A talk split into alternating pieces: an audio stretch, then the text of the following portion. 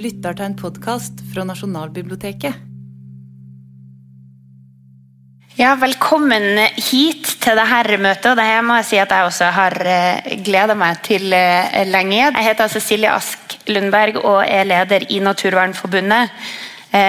Og Alta-saken var jo lenge før min tid, men Alta-saken er den saken jeg på mange måter har vokst opp med da, i miljøbevegelsen. For det er en sak som eh, fortelles mye om, og som fortsatt også snakkes om til generasjoner også, som kommer til å komme etter meg. Så det er jo fint å vite.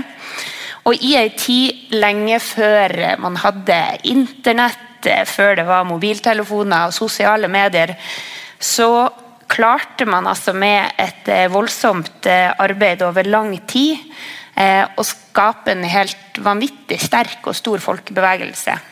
Og det vistes jo kanskje særlig den sommeren og utover høsten i 1979 med Detsika-leiren, hvor man samla over 6500 mennesker. Og ikke minst også med de store sivil- og ulydighetsaksjonene i Stilla, med over 800. Og det ble den gang norgeshistoriens største sivil- og ulydighetsaksjon, og det er en rekord som fortsatt står seg 40 år senere. Og selv om slaget om eh, vassdraget ble tapt, så har jo Alta-kampen endt med å eh, ha store konsekvenser både for norsk miljøpolitikk, eh, men også for den samepolitikken som ble ført, og de rettighetene som man også hadde. Og I løpet av neste timen så skal vi snakke litt mer om det her, og jeg er veldig glad for å både ha med Alfred og eh, Aili, to svært kompetente mennesker tenker jeg, for det som vi skal gjennom nå. Og jeg tenkte at Vi skulle starte med deg, Alfred. og eh, sånn som Ola sa, så ga du ut boka di eh, i fjor. Den eh, leste jeg eh, på toget mellom eh, Stockholm og, og, og, Narvik. og Den togturen er såpass lang, så, så da kommer man gjennom en hel bok. Og, og Jeg husker jeg storkoste meg med den. Og har masse sånn, hva man kaller det, eselører, hvor man bretter ned på, på gode fraser som du hadde underveis. Og det er jo en kjempelang historie som du skriver om. For det er jo egentlig helt fra 1968 og fram da til da Folkeaksjonen ble, ble lagt ned i 82, som du skriver og, og skildrer om. Um, og så tenkte jeg egentlig at vi kunne starte, uh, for jeg ser nok for meg at det kanskje også er en del andre der ute uh, som kanskje også tilhører min generasjon, som ikke akkurat var dem som sto i, i senter av, av, kampen den gangen. Her var lenge før jeg var påtenkt. Så jeg tenkte å starte kanskje med å si hvorfor, hvorfor, hvorfor tror du Alta-saken ble så, så stor? Um, da vi snakket sammen på telefonen, så sa du litt om det her med måte, at det var så den tilliten som man hadde på en måte til myndighetene, og ting ble gjort ordentlig, at det var på en måte det som Alta virkelig viste. At her var det en sånn saksbehandling som bare gjorde at man mista all tro på. Planene som ble lagt frem i, i 68, var jo egentlig såpass grotesk når det gjaldt uh, vidda, naturen, men også muligheter for de samiske interessene til å kunne utøve sin næring, at kimen til en motstanden var jo lagt allerede da. Vi har jo spurt oss mange ganger om det var tatt så hardt i for at de skulle ha noe å, å, å gi oss etter hvert som motstanden vokste. Men det vet vi ikke. Vi har ikke fått noe svar på det. Men uh, allerede i 70 kom jo industrikomiteen til uh, Masi. Og der møtte de jo den første demonstrasjonen, egentlig. Samene protesterte jo der oppe. og Eh, en av de eh, parolene som jeg husker spesielt, det var jo at vi evakuerer ikke på nytt. Og, og jeg er jo den generasjonen som har, har evakuert, så på meg gjorde det jo veldig sterk virkning. Og jeg var kanskje i en, en, spesiell situasjon som gjorde at jeg ble engasjert tidlig. For jeg hadde vært med å starte Altaposten i 69. Og den første redaktøren der det var jo Øystein Dalland, og han var jo voldsomt interessert. Og, og eh, særlig interessert mye i samme sak. Så avisen ble jo et talerør egentlig for motstand, og, og uh, også for, for, de samiske interessene helt fra begynnelsen av. Det videre forløpet det er jo at det ble ja, Det ble voldsom spennvidde. Interessen ble, ble ikke snever. Det ble, fikk, fikk stort oppslutning veldig tidlig. Og uh, allerede i uh, 73 så starta vi jo i Alta Alta-utvalget for bevaring av Alta, Kautokeino og Tanavassdraget. For det var også i planen opprinnelig. Den ble jo tidlig trukket ut pga. protester fra Finland. Det videre forløp det var jo at Alta-utvalget med Håkon Henriksen som leder, han var en voldsom kunnskapsrik og flink person. Det ble jo samla inn voldsomt masse fakta om, om den eh, for det første unødvendige utbygginga og den voldsomt dårlige forberedelsen. Det mangla jo ja, utredninger på det aller meste. Det meste groteske det var jo når de rett og slett ikke hadde tid å utrede skadevirkningene. Miljøkapitlet det mangla da, da, planen ble lagt fram for Stortinget.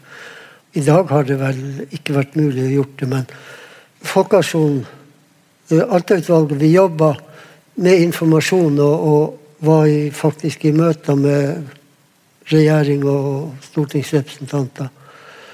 Og en del av de argumentene, eller de dataene vi hadde, de ble brukt faktisk i utredninga videre. Men de viktige tingene, dem, dem sto de jo på. Det, det, det var ikke noen muligheter. Sånn at uh, det var en sammenhengende uh, informasjonskampanje og innsamling av data fra Alta-utvalget. Men vi var jo ikke noen medlemsorganisasjon.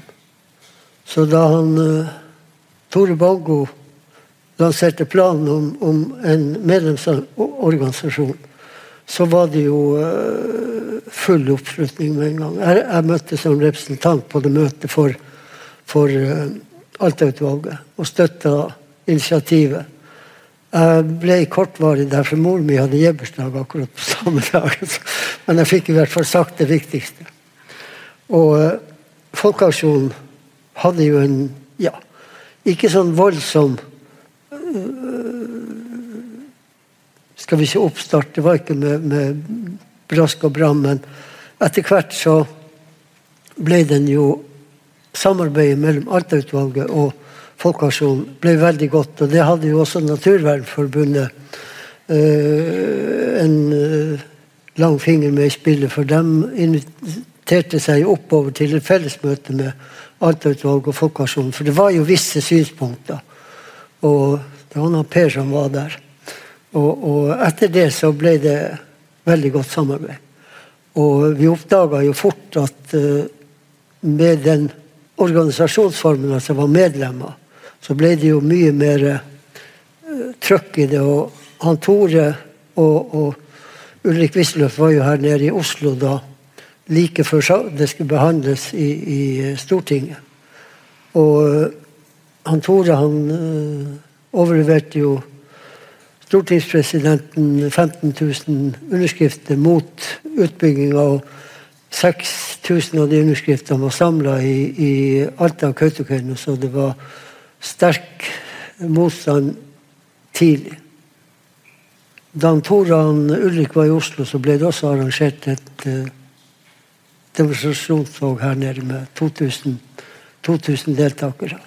Så etter det så rulla det veldig fort på seg. og det, det Organisasjonen vokste, og vi fikk uh, starta lokallag rundt omkring uh, i hele Norge. Det første ble starta i Masi, og så kom Oslo og, og, og Tromsø. Jeg er ikke sikker på hvem av dem som kom først, men det, det er ikke det viktige. Men, men, det var to av de lagene som ble mest viktige, og som var veldig god å støtte seg på. Som bestandig stilte opp med folk hvis vi måtte ha uh, hjelp i, i, i, en håndvending. Så var du inne på Detsika-løgn. Mm. Jeg vet ikke hvor mye jeg skal prate. om. for, var, for Detsika er jo, det er jo helt fantastisk. Ja, altså, man sa, ja. 6500 mennesker var det vel man Ja, det var den som ble registrert. Ja, det var dem som ble registrert? Ja, og all, Det var sikkert 2000 som var på dagsbesøk som ikke var registrert i det hele tatt. Så det var jo en enorm den signaleringen var avgjørende for den videre interessen for saken. Som jeg nevnte til dere så vidt, så var det ikke i den tida mobiltelefon. Det fantes ikke. Det hadde en svær kasse som veide flere kilo som man kunne dra på. Og, og, det var ikke allemannseie. Og, og, internett var ikke så, så, man var helt avhengig av å ha en god kontakt med avisene for å, å klare å få ut folk. Og der hadde vi jo litt, litt flaks med at Altaposten var på banen. Altaposten var et tallrør for. Og den var et tallrør hele tida for de to etterfølgers eh, redaktørene, Gehu og han Smith Novik, de var også mm. de, de, de, sa rett ut hva de mente om, om, om den uh, utbyggingen. Mm. Og alt, altså det starta jo veldig som en altså Det var jo en naturvernsak. Det var jo demme ned et, et vassdrag. Men så var det jo Det ble jo mer og mer på en måte spydspissen kanskje for den rettighetskampen som ble ført fra Eh, fra samisk side. Og du hadde jo store, eh, store demonstrasjoner også, eh, og ikke minst svært kraftfulle demonstrasjoner fra samiske aktivister. Du hadde sultestreikene foran Stortinget. Du hadde de 14 samiske kvinnene som okkuperte daværende statsminister Brundtland sitt kontor i vel 18 timer, tror jeg. Både bestemødre og små, små jentunger som var med og, å sitte der. Og hvordan hvordan ble på en måte Alta-saken tror du, Hvorfor ble den så viktig for den rettighetskampen? Det er et veldig godt spørsmål. Jeg er ikke sikker på at jeg har noe godt svar. Eh, men at det har prega eh, flere generasjoner med samer, kan du si. Eh, og at det har hatt veldig stor betydning for samepolitikken som føres i Norge. For, for organiseringa, kan du si, av, av det samiske samfunnet, men også for norsk politisk historie. Det er helt sikkert. Jeg er jo født i 68, sånn at jeg jo vokst opp med det her. Det her har vært en del ut av min barndom. Jeg husker, jeg husker på slutten av 70-tallet hvordan vi fulgte med på, på, på, på nyhetene på Dagsrevyen. Hvor vondt det var. Ikke sant? Eh, den der følelsen av, av, av, avmakt og følelsen av at Nei, det her, det, her, det her, er ikke rett. Det er ikke rett. Eh, den, den, sitter i meg. Og kanskje det har vært på en måte starten på et, på et politisk engasjement fra min side. Og for mange i, i min generasjon og, og, og, dem som er kommet, kommet etterpå. Så, eh, men det vi vet, det er jo at det parallelt, sant, parallelt med denne eh, saken, så foregikk det jo andre typer vannkraftsaker i Sápmi. Eh, Gålars i, i, i Nord-Troms. Eh, eh Adamsfjord-kraftverket der hvor eh, i sommerbeite til, til, til, til, min familie. Men ingen av de sakene fikk den, den oppslutninga. Så jeg tror det var det var vel en kombinasjon av miljø og laks og, og, kanskje lykkelige sammentreff av, av engasjerte mennesker som, som eh, greide å stimulere hverandre. Eh, og så ja Tilfeldighetenes spill, kanskje. Mm. Det at uh, de uh, gikk løs på Altaelva, det, det engasjerte jo voldsomt i Alta. For Altaelva går som en rød tråd gjennom hele Altas historie. Mm. Og det at de virkelig skulle rasere den, det, det vekte folk voldsomt. Og det vekte jo folk over hele, over hele landet. altså Folkeaksjonen hadde vel 20 000 medlemmer, tror jeg, på, på, på blant de, de, høyeste. Men og der er det jo Og det var jo en rekke demonstrasjoner. I, i 79 da var vel de første sivile ulydighetsaksjonene. Og da klarte man jo å stanse det anleggsarbeidet som, som pågikk, pågikk da. Um, og, da, og, Du skriver for så vidt også litt om det i boka di, Alfred, at, at da i, i, 79 så da tok man jo også og, og bora eh, bolter inn i, i, fjellet, sånn at man skulle være på en måte enda eh, bedre rusta for, for, sånne fremtidige aksjoner. og jeg husker at altså, jeg har ja, vokst opp i Natur og Ungdom, og det husker jeg på kontoret til Natur og Ungdom i Torgata i Oslo. Der tror jeg det fortsatt en heng. Der henger den gamle lenka til Per Flatberg fra, fra Alta-aksjonene. Så alle, alle, som kommer innom, eh, får alltid høre historien om, om, eh, om Alta. Det er god aksjonsskole. Det er god aksjonsskole, det skal jeg absolutt si deg. Men det som jeg husker også, som han, som han Per har eh, fortalte en gang eh, på et av de her eh, foredragene jeg har vært på, så har han sagt at det var alltid så viktig å ha en plan for, for, eh, for hva som skjedde etterpå, og at det viktigste ikke var hvor tjukk lenka var, for til slutt så ble den alltid kappa. Eh, og, at, og der er det jo I Alta så ble jo Man klarte jo å motstå. Lenka ble jo ikke kappa i 79. Mm. Men i, i, så to år etterpå, og en, altså en politihær på 600 mann ja. Den er jo vanskelig å skulle, å skulle, stå mot når de kommer med, med skipene inn. Og da, hva, var, hva var planen da? Vi var vel aldri i tvil om at uh, de klarte å fjerne oss hvis, hvis, de virkelig gikk inn for det. Og det, det vi håpa på, var jo i det lengste at de, når vi, de så hva vi bygde opp der for å prøve å motstå det, at de skulle trekke seg. Og det var så vidt der ikke ble inngått et kompromiss. Det var jo kvelden dagen før aksjonen. Først så fikk vi jo beskjed om at ja da, de var gått med på det, men anleggsarbeid på veien det skulle fortsette. og det var jo akkurat det samme som at det ikke ble stopp, for den, den kunne ikke gjøre noe oppe i Søtse, for veien var bygd. Så det var jo, det var jo bare tull. Men det, det, var jo Det var jo egentlig rart at alle de interesserte partene gikk med på å akseptere en avgjørelse i Høyesterett. Da skulle vi ikke gjøre motstand mer. Og det gjaldt gårdbrukerne og reindrifta og, og alle sammen. Og vi i Folkeaksjonen var jo egentlig de siste som skrev under, men vi fant ut at uh, kanskje, kanskje vi berga oss. Og, og uh, altså en mulighet for å slippe unna den konfrontasjonen, den var så viktig at uh, jeg jobba mye for at vi skulle, skulle skrive under det der og, og, gå med på det. For det er klart at med 800 personer som var der oppe, og egentlig tror jeg det var atskillig flere, for det var masse altaværinger. De ble ikke arrestert. Og de fikk ikke bot heller, og ble ikke telt. Så, så det, var, det, var, nok mer folk. Men, men uh, det skulle ha vært uh, gått veldig lite galt på den ene eller andre måten før det har blitt voldelig der oppe. Mm. Og jeg vet enda den natta før de begynte, så var jeg mange turer ute i det, for det var jo noen telt som masse satt i, men jeg satt en masse ut i Sneborga på yttersida og snakka med dem. Og, og, ja, egentlig presiserte at det her er en ikke-voldelig mm. aksjon. Og, og jeg tror det er det som ikke, ikke argumentasjonen min, men det at vi var en ikke-voldelig aksjon og greide å gjennomføre det, mm. som gjør at det gikk så bra som det gikk. Og vi hadde jo samtaler med politiet også, Henriksen. og garanterte at her ble ikke noe vold, og vi krevde ordentlig oppførsel fra politiet også. For et ansvar som lå på dere for akkurat, akkurat det at det ikke skulle utvikle seg til, til vold. Ja, det er nok eh, Det er kanskje vanskelig å skjønne. Mm, ja.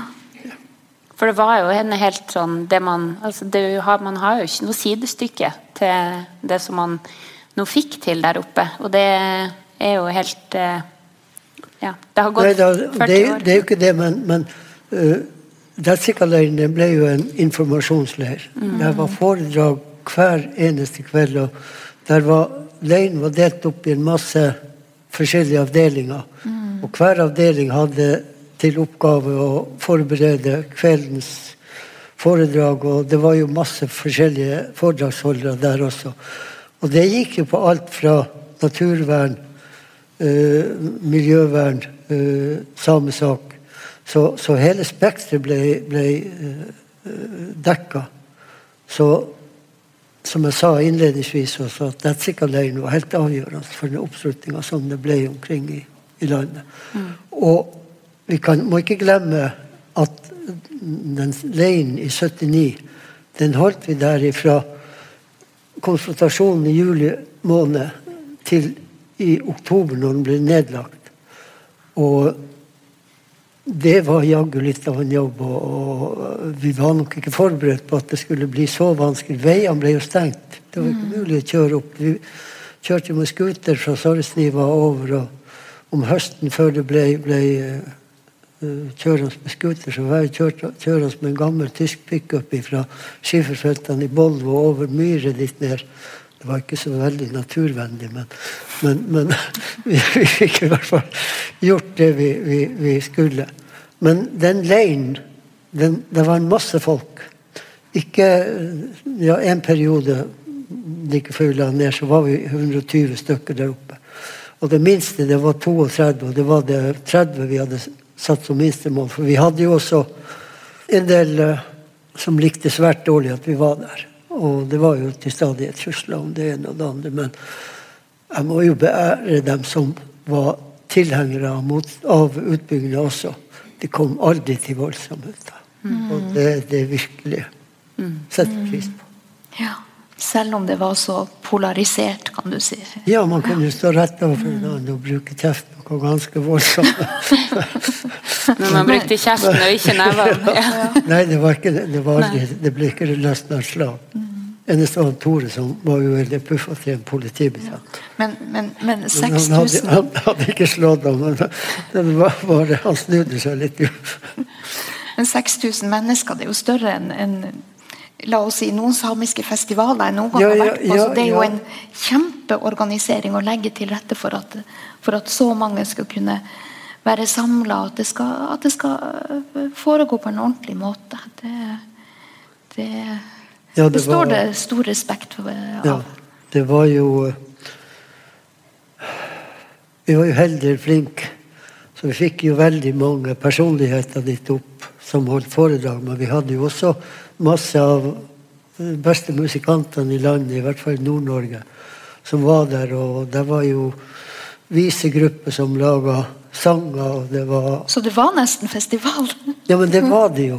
Det var jo det, jeg tror ikke det er noen festivaler som har vært så mangslungen som det var oppe i, i, i Detsik. Mm.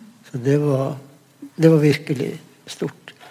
Men hvordan var det, um, var det å, å, se at den saken utvikla seg fra en sånn natur- og miljøsak til å også bli en sånn, sånn um, til å også bli en, en, sak om samiske rettigheter. Hvordan var det å på en måte, Da hadde man jo ikke før det i hvert fall i norsk miljøbevegelse hatt veldig eh, gode tradisjoner for å, for å samarbeide så mye med, med, med de samiske miljøene. Hvordan, hvordan, hvordan gikk det under Alta-saken og samarbeidet mellom, mellom de, den eh, norske miljøbevegelsen og, og samebevegelsen? Stort sett hadde vi et godt samarbeid. Uh, sambevegelsen gjorde jo etter hvert ting som ikke vi visste. Jeg, jeg, jeg, visste om, jeg som leder visste hva jeg skulle gjøre, men ikke detaljer. Jeg visste at de skulle til Oslo, og hva hans planer de hadde. Så sånn sett var det greit. Men han, jeg har nevnt han Tore noen ganger. Tore var jo veldig god å ha for uh, Det er ikke noe å legge skjul på at det var forskjellige syn på, på saken. Men uh, var jeg nå veldig rådvill, så måtte jeg ringe til han Tore. Han var jo med i styret, og, og han Tore var Han var hva skal jeg si, han var klok. Og han hadde sterke meninger, men han visste også når han måtte dempe seg litt, og hva som var fornuftig å, å kreve, og, og, hva vi kunne ha størst utbytte av. Man ble jo også litt kynisk og, og utnytta media. Det var helt avgjørende, som jeg sa innledningsvis, at vi hadde god kontakt med media. Vi gjorde jo også det når uh, under uh, aksjonene etter den 14. januar. Så alle de aksjonene vi hadde da, så varslet vi minst to aviser om når det kom til å skje, og alt sånn at vi var sikre på at vi skulle ha presset som dekning, at det ble tatt bilde at, at begge parter og vi, vi tenkte mest på politiet. Vi, vi, vi, var så sikre på at vi skulle klare å holde ro. Men, eh, men eh, det at pressen var til stede, var jo, hadde jo dobbeltvirkning. For det første dempa det ned gemyttene, og for det andre så ble det referert direkte. De trengte ikke å spørre oss hva som var skjedd da. Og det fungerte veldig godt. Mm. Aile, hvordan tenker du, fordi der er det jo um, Hva tror du Alta har på en måte, eller Alta-saken har betydd for eh, på, skal vi si, Åssen eh, eventuelt altså samarbeid mellom miljøbevegelse og, og, samiske miljø, men eller også bare synet på hverandre. Eh, Anerkjenninga av hverandre. skulle jeg til å si. Der har det Vi vet jo at det i en del andre land er det jo gnisning mellom urfolksorganisasjoner og, og miljøbevegelse som, som, kanskje ikke alltid tar så mange hensyn. Så hva tenker du har Alta hatt å si, om det har hatt noe å si? Mm. Jo, jeg, jeg tror eh, Alta-saken og sånn som det ble håndtert fra, fra de involverte, det, eh, det, har lagt et godt grunnlag for, eh, for allianser i, i saker der, der, det kan være enighet gjennom, mellom de samiske organisasjonene, Sametinget og miljøbevegelsen på den andre, andre sida. Vi, vi, har jo andre eksempler på at vi har, vi har delt informasjon, at vi har delt, delt strategier. Eh, og at vi har på sett og vis samme agenda, med kanskje litt ulik begrunnelse. Eh, og eh, altså, For meg er det en glede det å vite at, at miljøbevegelsen hvis vi, hvis, vi, kaller det det At i miljøbevegelsen også anerkjenner at de naturverdiene som er best beskytta, er jo de naturverdiene som er under urfolks kontroll. Eh, det, det, har vi eksempler på forskning på på globalt nivå. At hvis eh, urfolk får kontroll over landet, eh, så vil det være bedre beskytta mot ødeleggende inngrep enn, enn hvis ikke urfolk har noe å si. Og, og Derfor så er jo miljøbevegelsen eller deler av miljøbevegelsen i hvert fall på, på den internasjonale arena også en, også en allianse for, for urfolks rettigheter. F.eks. For i forbindelse med regnskogsarbeidet. Mm. Mm. Og der er det jo i hvert fall for det um, opp igjennom uh, tiden så har man, det har blitt eh, dratt flere sånn paralleller jeg, på ulike miljøsaker til Alta. Jeg husker første gang jeg møtte Alfred, det var tilbake i 2009 på en sånn sommerleir Natur og Ungdom hadde i Lofoten, hvor eh, Alfred og, Per Flatberg holdt, eh, holdt en sånn foredrag fra, fra, Alta til Lofoten. Så har man for så vidt også dratt paralleller om Alta og, og Repparfjord og, og de eh, på en måte ulike sånn slagene som står. Men da er det vel eh, kanskje særlig noe av det som på en måte man virkelig fikk til, var jo det samarbeidet nettopp Selv om man var kanskje av og til litt uenig, men at man man klarte å, å, finne en sånn felles måte hvor man sånn som du sier, at man visste ca. hva hverandre gjorde. Mm. Eh, om enn ikke i alle detaljene, men at man på en måte var litt sånn enig om, om veien dit. Nei, det hvis man hadde hørt uh, en del av de diskusjonene som var, så kan det godt hende at man ikke har trodd at etterkant at vi ble enige. Så, så, det var jo sterke meninger. Ja, for det var mye diskusjoner? Ja, ja, visst var det det. Det var, det var jo diskusjoner innad i styret i Folkeaksjonen. Vi var jo ikke en, en, en gruppe en, Ja, en, en, gruppe som mente det samme. Det, det var sterke meninger. Og det er jo bare å se på Hvis man har lagt merke til uttalelser som kommer fra styremedlemmer i etterkant, så, så, sier vi jo ikke det samme. Men uh, for meg var det enigheten var egentlig veldig viktig, for at da hadde du noe å falle tilbake på. Du trengte ikke å forsvare deg mot noe som skulle være en medhjelper, en, en, en, en samarbeidspartner. Så, så, selv om vi var uenige og, og, og, diskuterte mye, så vi kom jo til enighet, stort sett. Ja. Og, og som, som vi snakka om helt til å begynne med den sultestreiken, første sultestreiken i Oslo Jeg visste jo at de, de, de var på tur dit. Og, og, da de samme kvinnene reiste ned til Oslo så Hun som leda dem, hun var jo Jeg, jeg var faktisk sjuk noen dager, jeg lå hjemme. Så hun var hjemme hos meg, og vi diskuterte hva, hva, om, om, om, vi ville støtte dem noe økonomisk. Og det var jo Alt koster jo penger. Mm. Så, så, og Folkeaksjonen Jeg hadde en kasserer som var utrolig god å finne på nye tiltak for å skaffe penger. Så vi, vi hadde stort sett en, en fornuftig økonomi. Og, og vi visste jo at de, de damene skulle nedover, men vi visste jo ikke at de skulle okkupere kontoret til statsministeren. Ja, men Så det ble jo en litt stor overraskelse den morgenen. Det var, Men det var ikke eh, Det var ikke sikkert de hadde bestemt seg for det. Nei, for nei jeg tror, jeg jeg, tror heller ikke ja. det. Nei, nei. Eh, Men eh, det var vel noe med, med hva de møtte der, eller hva Ja. de ikke møtte der. Ja, det er klart at når du ikke når frem med argumentasjon og gode Ja, det var gode argumenter å, fremføre, og så Vi opplevde jo, uansett hva vi kom med, så ingen nye momenter.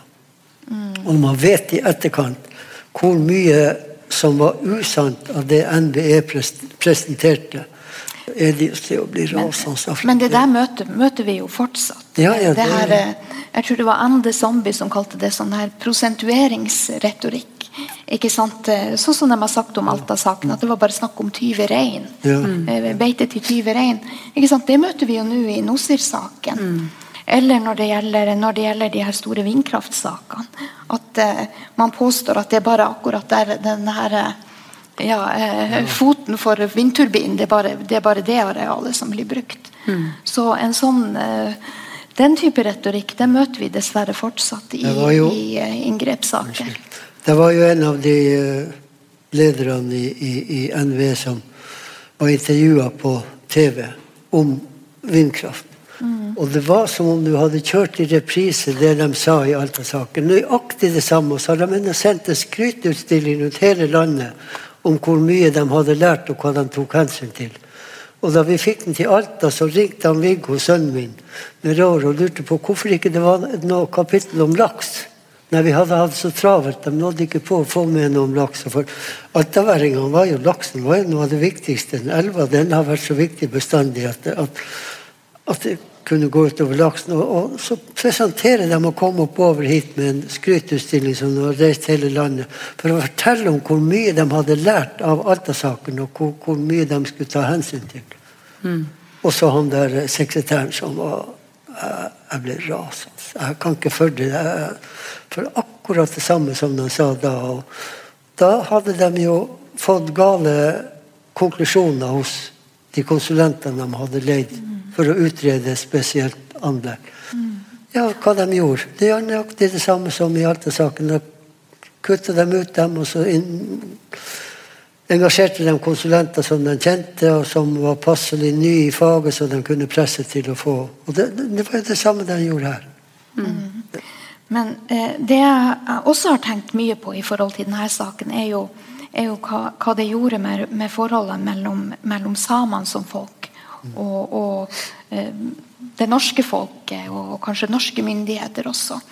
Fordi at Én ting er eh, hvordan Folkeaksjonen greide å eh, på en måte holde en fast linje når det gjaldt det her med sivil ulydighet, men, men, ikke, men ikke vold. Eh, men eh, man planla jo faktisk, eller man vurderte jo faktisk fra myndighetene sin side å bruke eh, militært personell og, og militært materiale mot aksjonistene.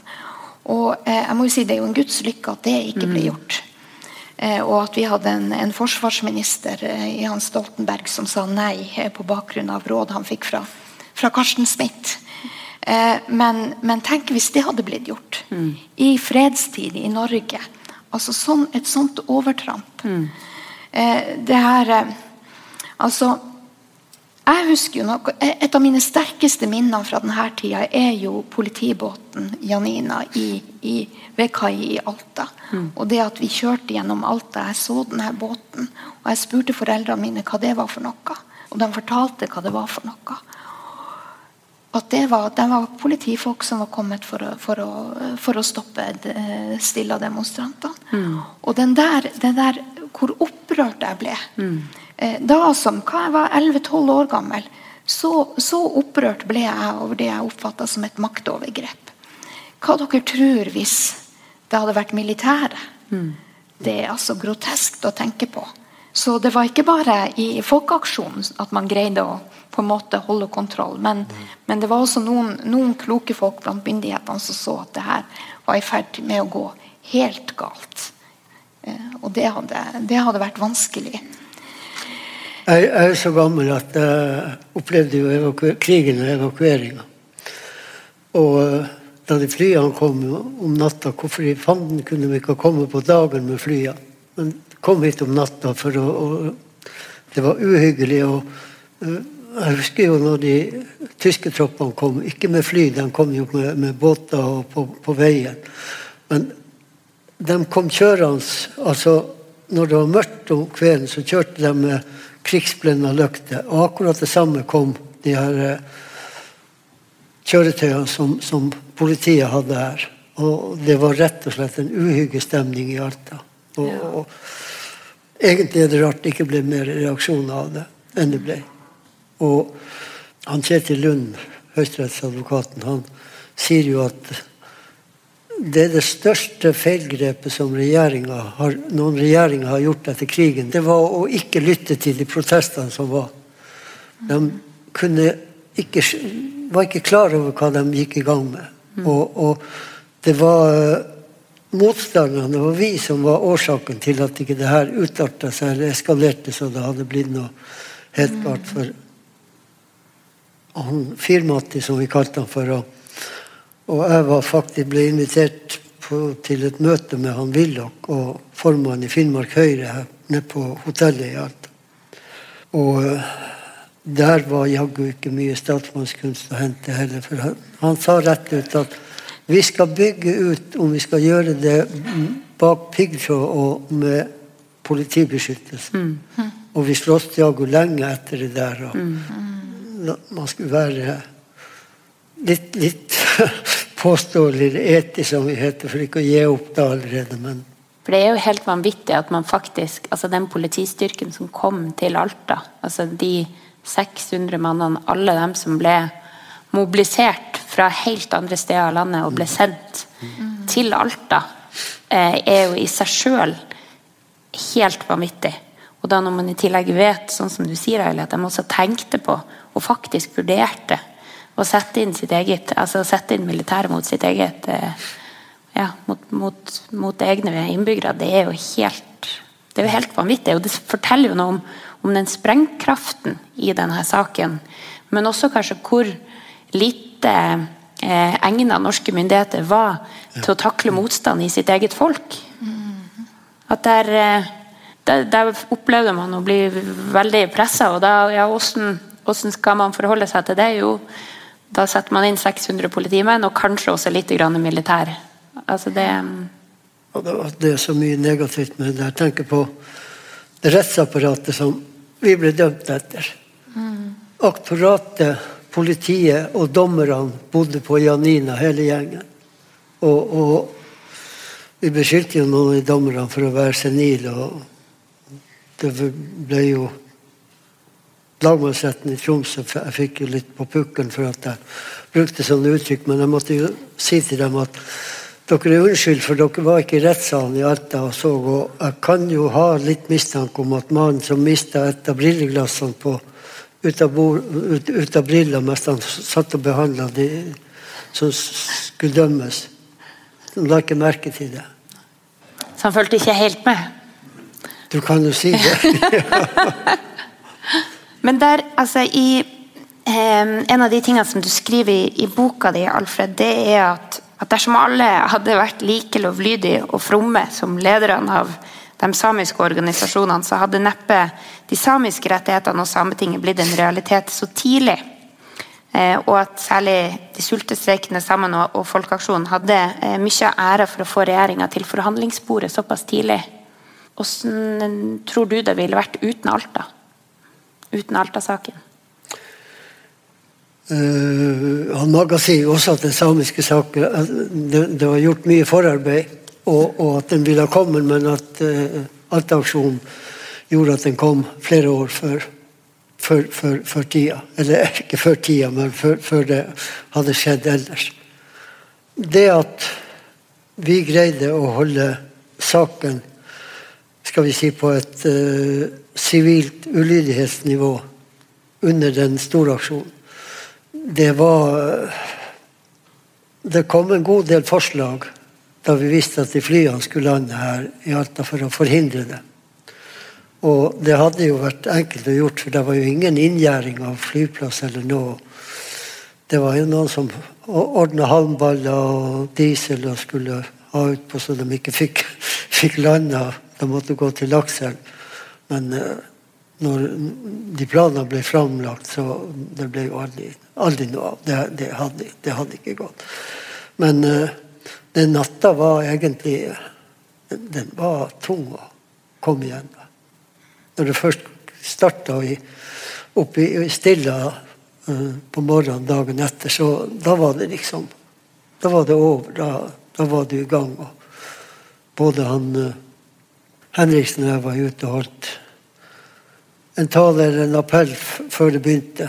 Han var nå veldig, veldig kort. og Det som jeg presiserte, det er jo det jeg hadde presisert veldig lenge, at vi er her for å, å, å utøve sivil ulydighet. Og det vil ikke bli tolerert aller minste eh, tegn til, til uh, vold eller noe. Men uh, at de som satt i en sneborg som hadde, de hadde laga for å holde seg varme, Heldigvis var det bare 12 kuldegrader den natta. Det var ikke 36 som da vi etablerte leiren. Og De hadde laga flere store sneborger som hadde bål i midten. Med sånne benker rundt. Det var reinskinn og forskjellig som de satt på. Og Der kommer det en konstabel inn og spenner ned og slokker bålet. Jeg er ikke sikker på at jeg hadde sittet i ro. Mm. Men, og de rørte ikke på seg. Ikke før, ikke før de var gått, da fyrte de opp på nytt. Mm. Men hvis vi tenker oss da en, en, sånn, en sånn, verden der Alta-saken ikke skjedde, mm. eh, og hva, hva, som ville vært situasjonen for, for, for samer i dag ja, eh, eh, Det kan hende det hadde vært helt annerledes. For eh, vi ser jo hvordan det er på svensk og finsk side, der de ikke har hatt den type mm, stor mobilisering og heller ikke, dermed heller ikke den her de her innrømmelsene eh, mm. fra svenske eller finske myndigheter. Og Verken Sverige eller Finland har for ratifisert ILO-konvensjon 169. Eh, og det gjorde jo Norge da som første land i var det 89 eller 90. Sånn at det her har vi, vi, må jo erkjenne at det her har hatt stor betydning for, for, for den norske samepolitikken. Mm. Eh, I stor positiv betydning. Mm. Fordi at det har tvunget fram en del erkjennelser og innrømmelser eh, som har bidratt til at eh, vi har fått på plass eh, ja, eh, rett og slett det er gjort rom for, for, eh, for en samisk røst i, i, innafor både, både, grunnlov og, og demokrati. og det må jeg jo si. Det mener at vi som, vi som arbeider med samepolitikk i dag, vi, vi er stortakkskyldig. Eh, eh, mange av dem som, som var aktører, eh, både fra Folkeaksjonen sin side, fra samebevegelsen sin side, fordi at de, de tvang nok fram noe eh, vi, eh, vi, sannsynligvis ikke hadde hatt i dag. Eh, hvis ikke denne saken hadde hadde skjedd sånn som det skjedde. Ja, ja. Nei, Det er jo ikke sikkert det har blitt, at, at eh, samene hadde fått mer rettigheter. Det har det blitt etter hvert, men, men, ikke så fort, og kanskje ikke så mye. Mm. For, for uh, sambevegelsen var jo sterkt delaktig, og, og den uh, sultestreiken i Oslo mm. og den oppmerksomheten de fikk der, var, det var genialt. Rett og slett. Mm. For det var vel kanskje noe av det særlig ikke sant, med som Alta-saken klarte også å få ordentlig fram på en måte at eh, det samiske som er i Norge. Altså at det ikke er noe, men at man faktisk, faktisk fikk ja, på Dagsrevyen innslag på innslag med, med ikke sant, og ikke minst også sultestreikene som jo må ha gjort det her var jo på en tid da, da alle så på Dagsrevyen. Ja. Bare én TV-kanal og sånn, så det ja. var en veldig annerledes mediesituasjon. Ikke sant? Sånn at man fikk på en måte en sånn oppmerksomhet rundt at her var det Her er det to folk. På kanskje sånt, på en helt annen måte. og Tilknytta en sånn sak da også som jo på sett og vis også handler også altså, Det å ta vare på natur er jo på en måte veldig ofte noe som vi ser at tenker at det er sånn Norge, vi har naturen vår, den er vi stolte av, og den vi vil, vil vi ta vare på. Da når du ser de to sakene kombineres. Men, men, det her var jo også en tid, ikke sant, slutten av 60-tallet og på 70-tallet, der, der, der, det var jo en sånn på en måte en sånn antiautoritær mm. stemning generelt sett rundt, rundt, omkring i verden. sånn at det, det var sikkert noe med tidsånden mm. også. Mm, at det, det, det, var Man begynte å stille kritiske spørsmål til styremaktene både, både, både, i Norge, men også andre, andre steder i verden. Mm. Det at det ble så stor oppslutning omkring aksjonen, det gjorde jo at den fikk en voldsom tyngde. Mm. Det, det, engasjerte i alle samfunnslagene. Det er litt sånn artig episode. Det var jo at eh, en uh, folkehøyskolebestyrer uh, Ture var på Fosen. Han sendte hele klassen hit opp til Stilla i 79. For uh, han hadde sagt til dem at uh, det vi holder på å lære her, det er jo bare tull reist i Alta. så, de var jo oppe i, i hvert fall i 14 dager, den der klassen. Og der oppe også, det var jo foredrag og, og diskusjoner. og Stilleleiren var så godt organisert at uh, et mønster for hvis noen skal drive aksjoner. Ja, men Det var virkelig det, tenker jeg. Og da tenker jeg Hvis vi skal kjøre tida Det springer jo helt fra oss i sånne eh, fine lag som det her. Men hvis vi skal på en måte tenke tilbake og prøve å trekke på en måte noe noen lærdommer fra alt Hvis vi skal tenke sånn, det her er den, Hva var det virkelig vi, vi lærte, og hva er det virkelig som vi må kanskje, ikke, altså kanskje enda viktigere, fortsette å ta med oss i det arbeidet som, som gjøres, om det måtte være fra styresmakter, fra på miljøorganisasjoner eller sambevegelse. Hva tenker du, Alfred, er på en måte noe av det viktige som vi fortsatt må huske på fra Alta osv.? det som er grunnlaget, det er jo at uh, det du frembærer, mm. at det er korrekt, at det er riktig. At du ikke bare prater en masse for å være slagkraftig og ikke, ikke ha bunn i det. Og der var vi veldig flinke. Og jeg har jo nevnt han Håkon Henriksen. Han var et unikum. Vi hadde mange, det var ikke det, men Håkon han var leder i, i Alta-utvalget. Eller det vil si, han ble aldri valgt som leder, han ble valgt som sekretær, men ingen ville være leder, så han ble begge delene. Det fungerte aldeles utmerket.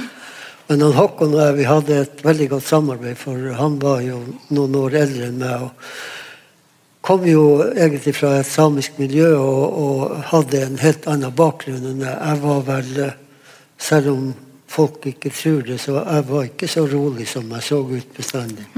Og det, og det var jo han Håkon. Og så vi hadde veldig mange gode, gode, gode, samtaler. Men alle burde ha lært at hvis man skal gjennomføre noe, så må du, du må stå på solid grunn. Du, det du fremfører, må være korrekt.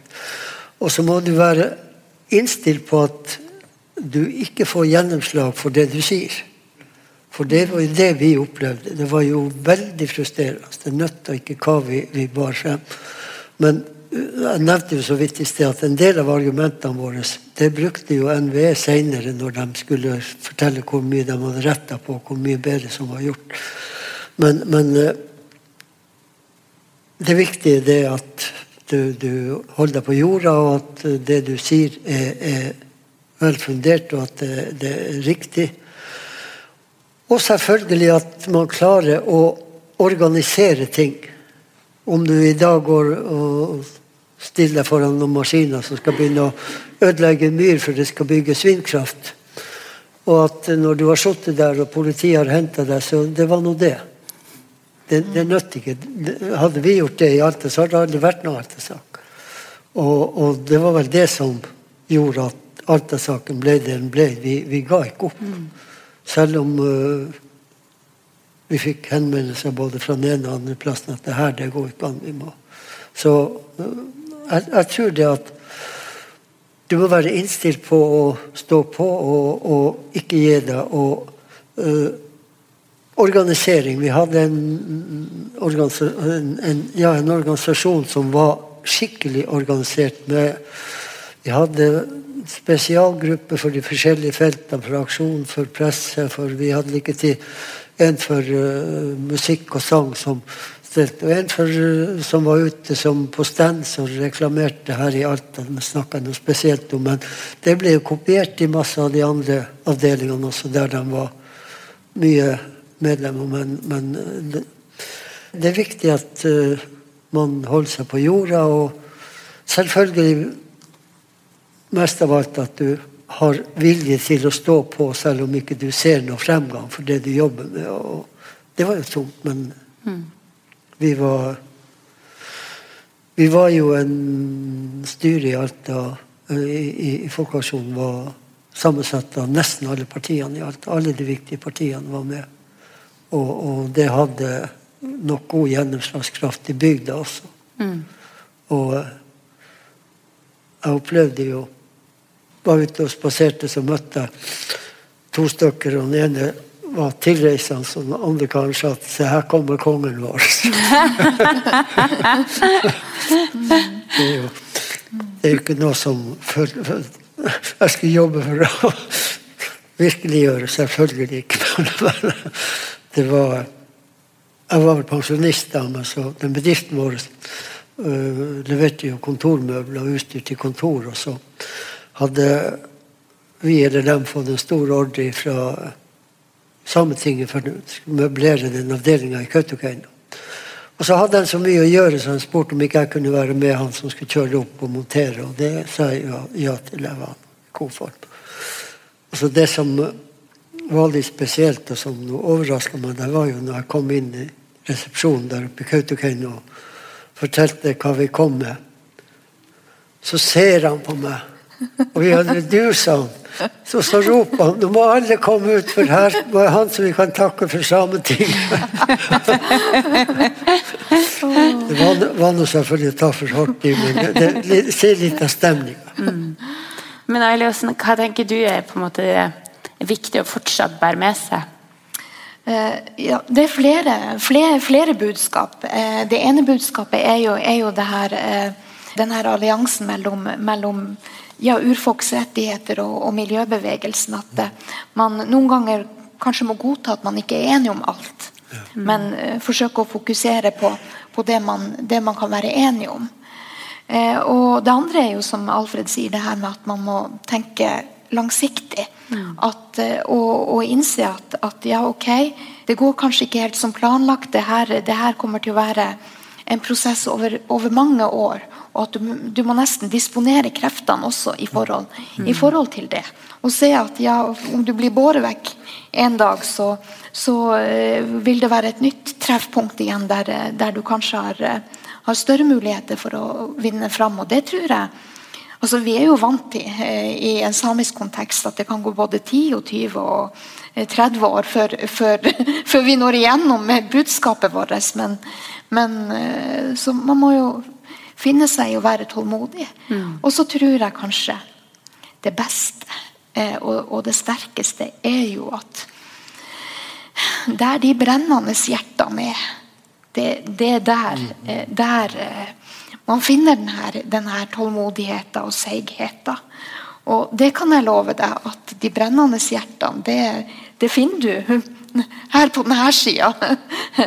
Jeg tror ikke det er like mange brennende eh, hjerter på den sida som, som, som, ønsker å, å ja, gjennomføre de her eh, ødeleggende naturinngrepene. Mm. Jeg tror ikke den, den, motivasjonen er like sterk mm. som den er i miljøbevegelsen eller, mm. eller, eller eh, i, i, de samiske organisasjonene, for den saks skyld. Mm.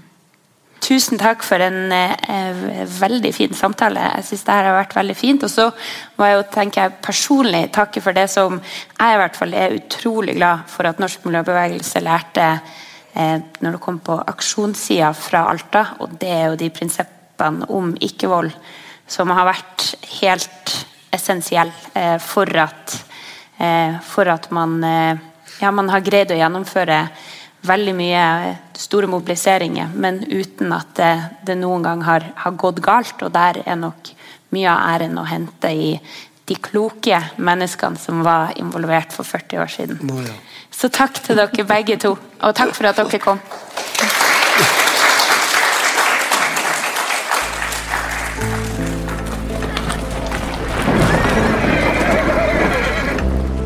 At du går på ei folketett gate, så tett at du dulter borti folk.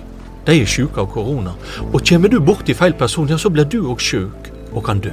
Sånn var det på 1500-tallet. Ikke fordi det fantes korona, men da trodde en på trolldom. I samlingen til Nasjonalbiblioteket finnes det mange glemte liv.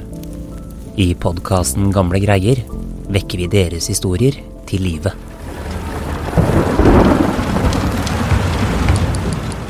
Dette er en historie om hvor langt mennesker kan gå i en nødsituasjon. Det er en eh, historie om en lang ventetid, om et veddemål og om et øsekar med blod. I sesong tre reiser vi tilbake til da frykten for hekser og trollmenn var ekte. Da en mann skulle gjøre Norge til en bilnasjon. Et dramatisk skipsforlis og mye mer. Følg med i podkastdrømmen din.